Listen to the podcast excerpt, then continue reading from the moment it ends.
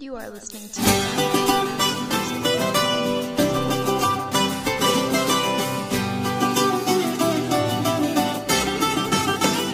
هلا ياهو هلا ياهو وايا هلا ياهو هلا ياهو وايا هلا ميراتا وصلا وغرزوا هلا رازا هلا بايتي بدوها هلا زولين سماني تنوها هلا رازا هلا بايتي بدوها هلا زولين سماني تنوها هلا ياهو هلا ياهو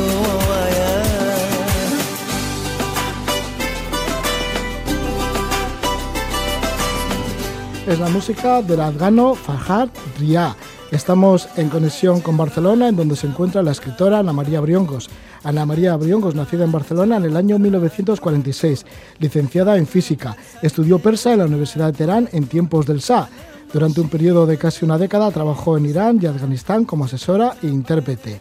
Es autora de libros, bueno, ya clásicos, como por ejemplo Un invierno en Kandahar, sobre Afganistán, Negro sobre Negro, sobre Irán, sobre Irán también la cueva de Alibaba, sobre el, ba- el bazar de Isfahan. En la India, sobre la India, pues escribió Esto es Calcuta. Y ahora, pues tiene un libro así pequeñito, pero lleno de contenido y de reflexiones viajeras que lleva el título de Geografías íntimas. Vamos a entrevistarle a Ana María Briongos, en este caso, sobre geografías íntimas. Bienvenida, muy buenas noches, Ana María. Buenas noches, Roge y amigos. Bueno, pues ya teníamos ganas de volverte a escuchar de nuevo por aquí, por este programa, por Levando Anclas, porque ya en este libro recoges 47 años de viajes. Sí, sí, son, son muchos años, no es que todavía no llego a 50, pero he pensado que mejor que empezara ya a ponerlo, porque, bueno, los 50 ya llegarán. De momento, aquí, aquí van estos, este librito, es un pequeño libro. Sí, los 50 ya llegarán de viajes, porque sigues viajando. Sí, sí, sí, sí, sí, sigo, sigo adelante. Mira, y además, Y además eh, voy a ver amigos, voy a ver a gente que he ido conociendo por el mundo y que y que siguen siendo siendo pues buenísimos amigos y como han pasado tantas cosas en el mundo durante estos 47 años, pues a los que conocí en Afganistán ahora los voy a ver eh, a, a Santa Fe, Nuevo México, por ejemplo. Ana María, fuiste una pionera dentro de esto de la mujer moviéndose sola por el mundo, porque ya partiste de Barcelona en el año 1968, que te fuiste justamente para Afganistán. Sí, sí, sí, sí. Bueno, yo iba a la India, pero no llegué. Me quedé en Afganistán. Sí, cuando saliste, bueno, según comentas en el libro, querías estar en un lugar que nadie pudiera encontrarte. Sí, es cierto, es cierto. Bueno, me iba porque eh, estaba harta de, de estudios, de exámenes, de manifestaciones, de, de, de rosarios y de misas y, y, y pensaba que el mundo era mucho más grande, variopinto e interesante que el que tenía aquí en aquel momento y además pues era joven y con mucha energía y tenía ganas de ver qué pasaba por ahí. ¿Cómo ha cambiado el mundo desde entonces, no? Porque el mundo era, mm, bueno, tenías todo el mundo por descubrirlo y querías que nadie te encontrara. Y ahora es todo lo contrario. Parece que los viajeros tienen su propio blog, están siempre en comunicación con un montón de gente amiga y, bueno, y gente que está interesada en sus andanzas. En cambio, tú lo que querías apartarte de todo, ¿no? Que, que nadie se acordara de ti. Sí, porque en el tiempo aquel en que yo empecé a viajar, pues eh, es que teníamos que ir a buscar, eh, todavía nos escribíamos cartas y postales, pero las teníamos que ir a buscar a la post restant de correos del sitio donde llegábamos. Prácticamente en, en Kabul había un teléfono o dos, o sea, y no había televisión. En aquellos ¿Cómo nos momentos... íbamos a, a- a comunicar? Era una manera de, de desaparecer. Bien, y es que, por ejemplo, así, de esta manera, llegaste a ciudades tan maravillosas como Kandahar, ¿no? Esta ciudad oasis en Afganistán. Sí, sí, sí, sí. Esta ha sido, esa ha sido una ciudad mítica para mí. Kandahar después, por desgracia, pues eh, ha tenido muchos problemas porque fue donde vivió Bin Laden durante mucho tiempo, es un feudo talibán, pero en la época en que yo estaba, pues mira, una muchacha sola de 20 años podía vivir tranquilamente en Kandahar y, era bien recibida, era respetada y, yo pasé una época buenísima en Kandahar. Fuiste también acogida que estuviste, formaste parte de un clan, te acogió un clan.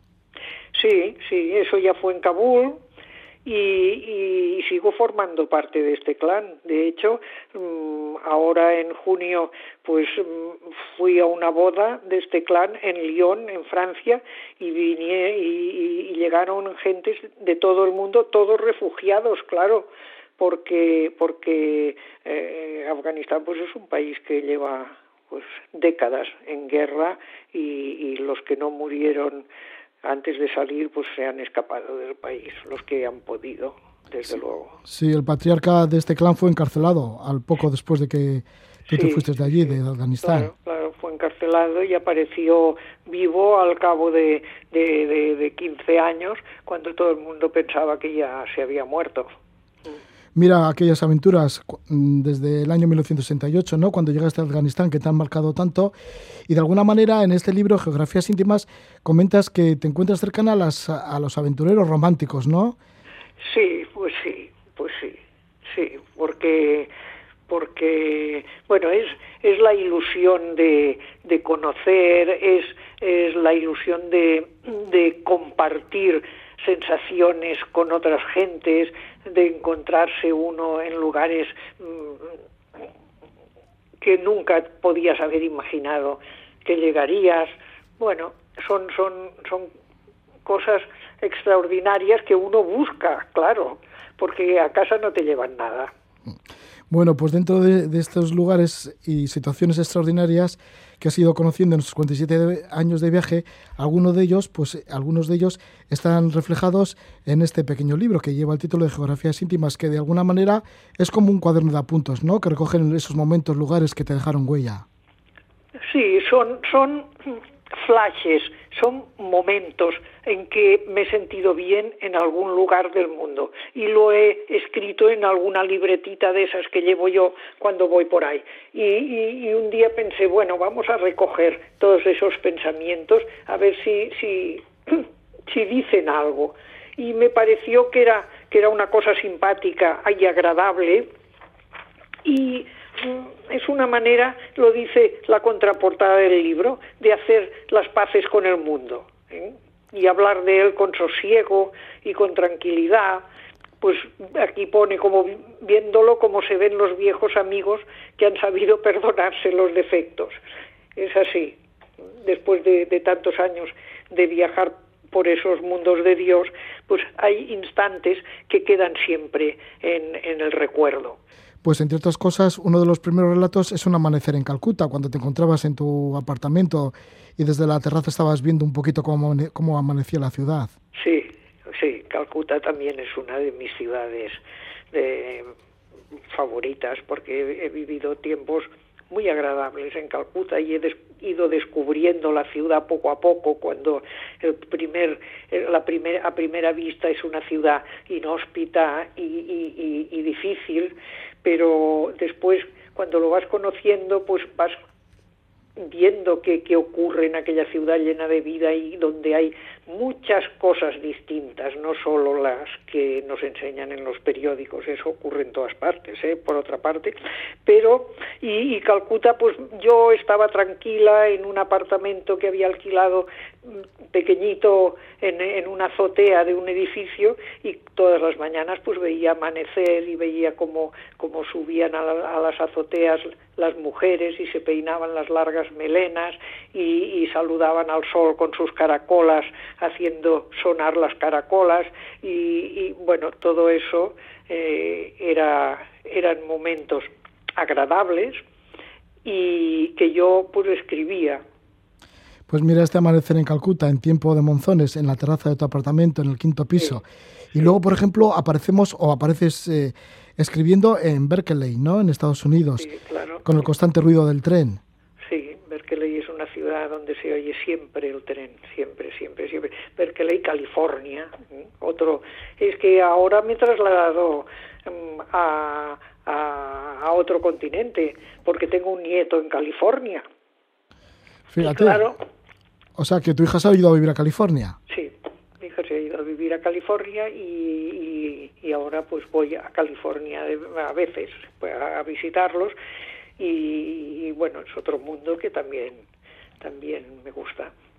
Pero ya habíais ido anteriormente toda la familia, ¿no? A, por ejemplo, a Yellowstone, porque hay otros relatos sobre Yellowstone. Es que yo en una época fui, fui, estuve, trabajé durante 10 años en una organización de intercambio de estudiantes y, iba mucho a Estados Unidos porque mandábamos estudiantes a Estados Unidos.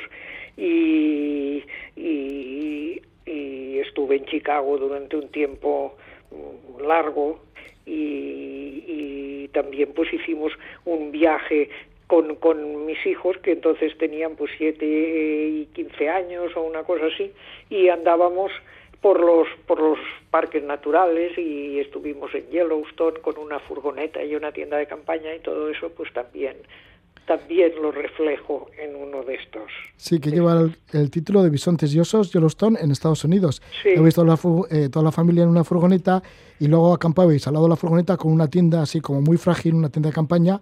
Y entre otros cuidados o otros consejos que os daban es que tuvierais cuidado con los osos y con los bisontes. Sí, y os apareció un bisonte en un amanecer. Bueno, claro, abrimos la cremallera y teníamos a un bisonte sentado allí, una cosa enorme, mirándonos fijamente, mm, un susto horroroso, nos volvimos para atrás de a cuatro patas y allí nos quedamos como unas estatuas sin mover ni pie ni pata hasta que nos pareció que podíamos salir y ya el bisonte había desaparecido. Sí. Sí, este fue un buen susto.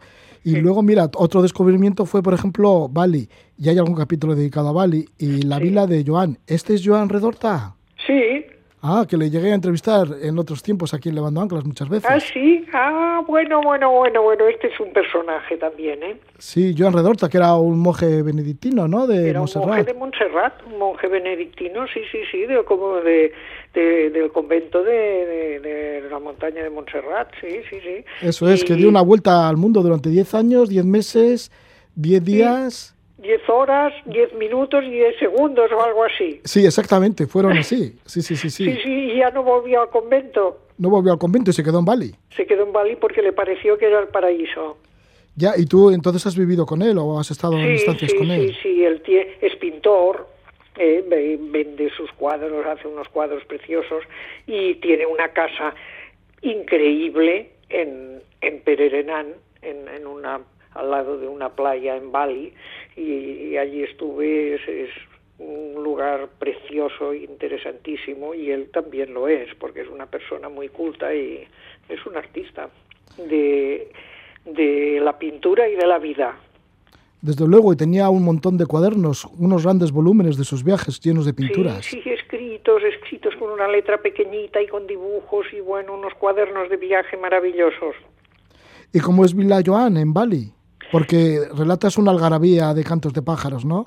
Sí, sí, sí. Bueno, en este librito, en este libro del que estamos hablando, Geografías íntimas, pues hay dibujos, hay dibujitos de un amigo que se llama Alex Ferrer y estos dibujos muestran un poco lo que es lo que es cada cosa. Pues si vas a, a, lo de Bali, al artículo de Bali, se ve Yuan, es así como, como este dibujo, hay, hay, hay lagos con nenúfares, hay, hay construcciones con, con techos, con bueno, con sí, techos en forma de pagoda, bueno, ahí es eh, este mundo indonesio eh, y, de Bali, Bali es el dentro de una Indonesia musulmana es, es una zona hindú. Sí, y ahí en ese pequeño paraíso se lo ha creado el propio Jan Redorta en Bali, que fíjate que dejó el, monasterio de, de, Montserrat y terminó allí y sigue por allí. También comentas una experiencia así como bastante, bueno, con un montón de multitudes de gente, de peregrinos, en el templo de Tirumala, que dices que quizás sea el más rico de la India. Sí, Tirupati, Tirupati, eso está pues en la zona de, de, Chennai, cerca de Chennai, y, y bueno, eso es increíble, es increíble porque fue fue una experiencia que, que claro nos cogió de sorpresa porque mm, llovía a cántaros, eh, en una oscuridad, una noche oscura, subiendo con un, con un coche alquilado en que no había ni, ni limpia parabrisas, el, el, el, que, el acompañante del chofer había sacado un paraguas por la, por la ventana para que el otro pudiera ver lo que pasaba en la carretera. Y, y así llegamos arriba, arriba, arriba, arriba de ese templo y, y fuimos a parar a una a una especie de, de, residencia, un hostal, estaba todo húmedo, las mantas húmedas, las sábanas húmedas, allí había pasado familias y familias y familias, no se había lavado nada, pero nosotros como no sabíamos dónde íbamos, pues no llevábamos ni, ni toallas, ni mantas, ni nada, por tanto, lo único que llevábamos era un periódico que nos hizo de sábana de esta manera, bueno, pues entrasteis en este templo y estaba, bueno, abarrotado de gente y teníais bueno, que llegar a... Que, bueno, es que para llegar, para conseguir llegar a, a la deidad, digamos... Sí, un dios negro. A, al dios negro, a, a Tirupati, pues sí, tenía, que estaba cargado de guirnaldas, de flores. De guirnaldas de flores, bueno, y había una cola impresionante y, y tenías que ir a la recepción a que te dieran hora para poder entrar y, y, a nosotros nos tocó pues las 4 de la madrugada, de forma que estuvimos haciendo cola mmm, descalzos por, por allí fuera del templo y había unas campanas sonaban y unas voces y era todo fantasmagórico y cuando entras en el templo también y ves aquellos monjes gordos y, y pintarrajeados y, que van empujando a todos los peregrinos de mala manera y les ponen unas bolsas delante para que echen dinero, bueno, una cosa tremenda, tremenda. Y llegas a, llegas a, a, la deidad, pero no te da tiempo de nada porque en el caso mío, pues la persona que tenía delante mío tropezó, se cayó, yo me caí encima de ella, los que venían atrás se cayeron encima, el monje nos daba, nos daba golpes para que nos levantáramos y saliéramos corriendo porque estaba lleno de gente y bueno, aquello fue un desastre de, de visita a la deidad. Pues sí, un desastre de visita a la deidad. Bueno, la verdad que fue todo como muy divertido, pero un lugar así que te ha llamado también mucho la atención es Santiniketan. Esto sí, también en India sí, y por, por el poeta, ¿no? Rabindranath sí, Tagore. Rabindranath Tagore. El Rabindranath Tagore era, aparte de ser premio Nobel, que es por lo que nosotros le conocemos, premio Nobel de Literatura en 1913, pues eh, era un gran pedagogo y, y, tenía unas ideas muy modernas de la pedagogía ya en aquellas épocas y en la India. Y fundó unas escuelas rurales para niños de, los poblados Santal, que son unos poblados um, de unas tribus determinadas, y, y, y, fundó una universidad, la Universidad Visva Bharati, que todavía existe hoy en día y es una universidad de prestigio en la India. De hecho, Indira Gandhi ha ido a estudiar, fue a estudiar a, a Santiniketan y, los hijos y Gandhi, Gandhi, Mahatma, mandó a sus hijos también a estudiar a esta universidad. O sea que es una universidad de prestigio fundada por Rabindranath Tagore y yo pasé una temporada en, en Santiniketan y me gustó muchísimo y, y, aquí cuento en este en este escrito pues un momento en que estaba debajo del gran árbol el banián mm, donde donde meditaba el padre de Rabindranath y donde yo me encontré pues a unos personajes determinados. Sí, mira, aquí en Santiniquetán dices que está de moda para un tipo especial de viajeros, tanto indios como extranjeros, aquellos que buscan un ambiente de paz, de cultura, de amor a la naturaleza, de reconocimiento al trabajo de los campesinos y de admiración por sus artistas y sus artesanos. Sí. Bueno, sí. además también de seguir un poquito los pasos de Tagore. Claro, sí. Mira, hay otro capítulo que lleva el título de Irán y yo. Sí. ¿Qué relatas en este capítulo? Yo cuento que, que Irán, que sobre donde yo donde he vivido tiempo largo y sigo visitando y me gusta mucho y, y, y bueno me siento como en casa no fue un amor a primera vista para mí. Fue un, un país que me chocó y me pareció pues en cierta manera algo desagradable a primera vista. Cuando, cuando llegué la primera vez a mí, lo que me, lo que me fascinó fue Afganistán, que aquello era, era otro mundo, era un mundo mm, muy antiguo. Y en cambio Irán yo lo encontré en aquel momento era era la época del Shah, un país militarista con mucha policía, mucho el ejército impresionante, mm, mucha mucha pompa eh, y mucho y mucho postín en algunas eh, zonas del país y, me pareció una cosa rara. Pero después es es lo que te lo que digo antes. Cuando vas conociendo las cosas y vas profundizando te van gustando y los vas queriendo. Y mira después Irán ha sido ha sido uno de los países que más me han me han fascinado. Sí, estamos hablando del año 1974, cuando llegaste a Teherán de estudiante. No, yo llegué, en, eh, no, yo llegué en el, de estudiante en el 74, 74, sí. Pero yo ya había pasado desde el año 68 y iba pasando por Irán para ir a Afganistán, pues mira, desde el 68 al 74. Sí, y allí en la Universidad de Teherán estuviste estudiando el persa. Sí. Y otro de los capítulos lleva el título de Noche Loca en Teherán.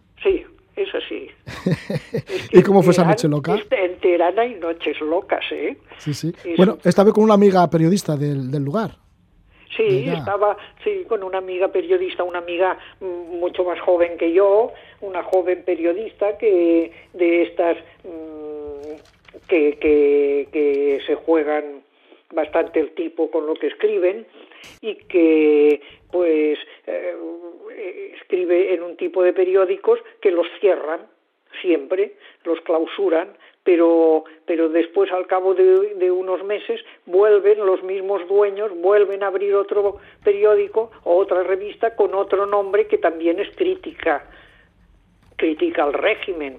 Y así van abriendo y cerrando revistas y periódicos y esta periodista, pues como otros muchos periodistas, forman parte de los que siempre los contratan este tipo de, de periódicos. Y, con ella pues eh, es una una mujer pues de 35 años que vive sola, que soltera y que, que tiene coche y tiene su casa, su piso y pues nos nos fuimos de no digo de borrachera, pero de de vinos por por y fuimos pues a casa de unos amigos donde estaban era la época de la vendimia se habían ido a comprar entre entre cuatro o cinco parejas una tonelada de vino al bazar hay de, uva al bazar y estaban eh, fabricando su propio vino en el sótano de la casa. De manera que cuando llegamos y nos abrieron la puerta aquello olía vino impresionante y claro, ya sabéis que en Irán eh, el alcohol está prohibidísimo, no se vende alcohol en ningún sitio, ni siquiera en los hoteles para extranjeros, y, pero sí que las, la, la, pues, la sociedad más occidentalizada pues, se fabrican su propio vino, que después resulta que, que es malísimo, porque porque tienen la receta, la sacan de internet o se la pasan unos a otros mm, de bajo mano y le sale lo que le sale, pero están encantados porque pues ellos uh, embotellan cada año una cantidad de botellas y se las reparten. Y se la jugaban entonces, porque está tan prohibido el alcohol que fíjate, fabricar allí en, tu casa el vino. Sí, se la juegan, pero, pero bueno, ya están, ya se sabe, ¿no? Son maneras de, de ir trampeando la situación. Bueno, pues este es uno de los capítulos, de los muchos capítulos que tiene este libro, Noche Loca en Teherán. Estamos hablando del libro Geografías íntimas y estamos con su autora, con Ana María Briongos. El libro lo edita Laertes y las ilustraciones son a plumilla de Alex Ferrer, amiga de la autora. Amigo. bueno, sí, es amigo Alex, ¿no? De tuyo, de Ana María Briongos.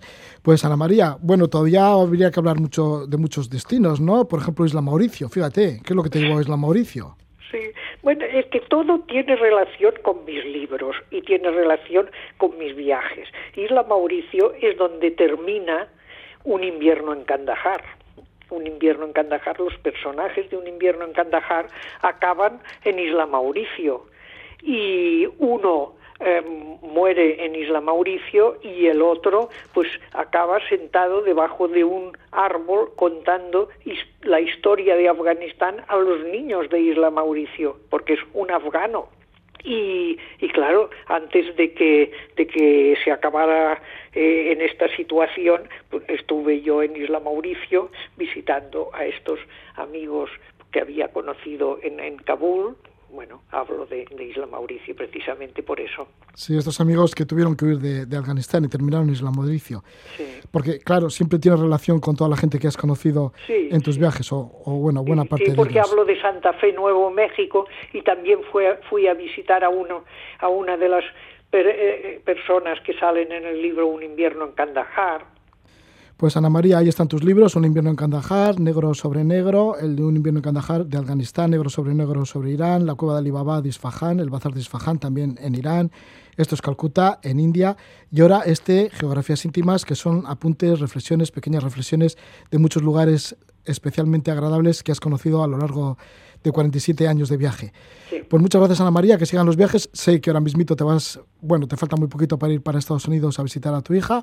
Bueno, pues que te vaya bien por Estados Unidos. Pues muchísimas gracias y buenas noches, a disfrutar de la lectura del librito Geografías íntimas y hasta muy pronto. hasta muy pronto. Y amigos.